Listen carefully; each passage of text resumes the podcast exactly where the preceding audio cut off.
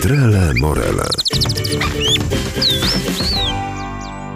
Profesor Grzegorz Grzywaczewski, prezes Wojewódzkiego Funduszu Ochrony Środowiska i Gospodarki Wodnej w Lublinie i od razu mamy szansę pokazać, no właśnie, coś niesamowitego. To są moje skarby. To są pamiątki z wędrówek leśnych. Przy tych bardzo gwałtownych wiatrach takie oto cuda, chciałoby się powiedzieć, że z nieba, ale po prostu z gałęzi drzew e, spadają. Cóż to takiego jest? No ta pamiątka bardzo misterna, bo tu mamy jakieś drobiny bardzo cienkich pędów roślin, liści, piór, nawet mchy i porosty, ani niestety sznurek. Ale pani redaktor, to jest pamiątka, która została zrobiona dla jaj.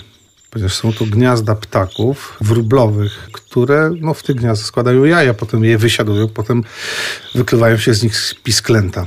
To jest bardzo dobre pytanie. Ja bym chciał się tak wymądrzać i powiedzieć, że no, każde gniazdo wiem, po każdym jednym piórku potrafię rozpoznać gatunek ptaka, ale tak dobrze nie jest, ponieważ będę tam powtarzał, że mamy ponad 460 gatunków ptaków, każdy buduje inne gniazdo i, i, i poddaje się, ale mamy tylko dwa gniazda.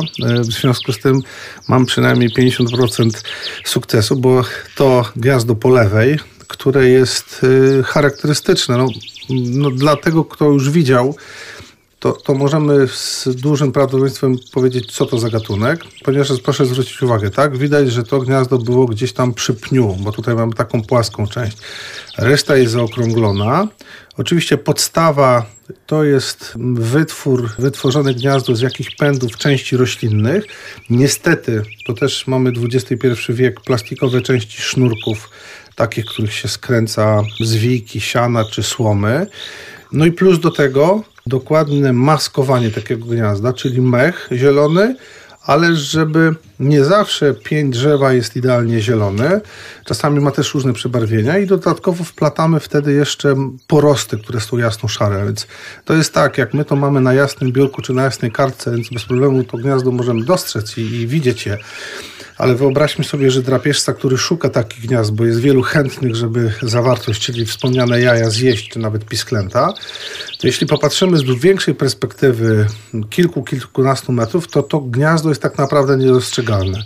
Dodatkowo oczywiście sam środek, czyli to miejsce, gdzie są złożone jaja i potem ptaki je wysiadują, no to oczywiście z tej perspektywy widać jasną plamę, ale musimy pamiętać, że ptaki wysiadując te jaja, dodatkowo są też ubarwione w taki sposób, żeby trudno było je zauważyć w środowisku. Więc to pierwsze gniazdo mm, z dużym prawdopodobieństwem y, mogę powiedzieć, że jest to gniazdo zięby.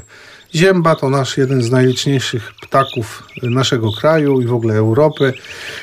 Gatunek typowo leśny, bo rozumiem, że to było znalezione podczas wędrówek w lasach, typowo leśny, ale to jest też taki gatunek, których można by mówić, że są to gatunki zwycięskie. Dlaczego? Dlatego, że sięba poza tym, że jest związana z lasami, to również występuje w parkach wiejskich, w parkach miejskich, tam gdzie są szpalery drzew, tam gdzie powiedzmy mamy nawet czasami tylko grupy drzew. Dlaczego zwycięski? No właśnie dlatego, że występuje poza wodą właściwie wszędzie tam, gdzie są drzewa. I jest z tych gatunków jednym z najbardziej licznych. Doskonale sobie radzi, nie widać jakichś trendów, żeby zmniejszała swoją liczebność. To jest taki gatunek, który gnieździ się na drzewie, a żeruje sobie na, na podłożu. Kiedyś chyba na których, którymś z naszych spotkań mówiliśmy o gniazdach jadalnych, które są wytwarzane z gruczołu cementowego, u salangan, czyli takich ptaków y, spokrewnionych z naszymi jeżykami. I rzeczywiście ten gruczoł produkuje taką wydzielinę, która w kontakcie z powietrzem najpierw jest plastyczna, a potem, a potem twardnieje. Czyli na tym etapie, kiedy jest jeszcze plastyczna, można powiedzieć, że przykleja ptak gniazdo do y, powiedzmy jakiejś skały. Natomiast w naszych szerokościach geograficznych nie ma takich przypadków, żeby ptaki używały czegoś, jakiegoś magicznego ptasiego kleju no, nie używają ich, a jeśli już to wygląda tak, jakby ktoś tam użył magicznego ptasiego kleju, to tylko jest to pozorne, ponieważ ptak najpierw buduje podstawę, a potem zaczyna wplatać tak? mozolnie, powoli wplatać poszczególne części roślinne, czy, czy zwierzęce, czy nawet materiały sztuczne. W końcu wygląda to tak, tak na taką pewną rodzaj doskonałości, że mamy wrażenie, że to było że to ptak nie mógł tego wytworzyć, a jednak ten niewielki dziób y, i, i czas, jaki na to poświęca, potrafi stworzyć taką konstrukcję, którą my uważamy za pewien rodzaj doskonałości, bo to jest pewien rodzaj doskonałości, bo bez użycia żadnych narzędzi, tylko krótki, dokładnie nie pamiętam, ale powiedzmy jakiś pół, półcentymetrowy dziób takiej zięby wystarczy, żeby taką piękną, taką nawet niezwykłą, czy taką precyzyjną konstrukcję wykonać. Trele Morele.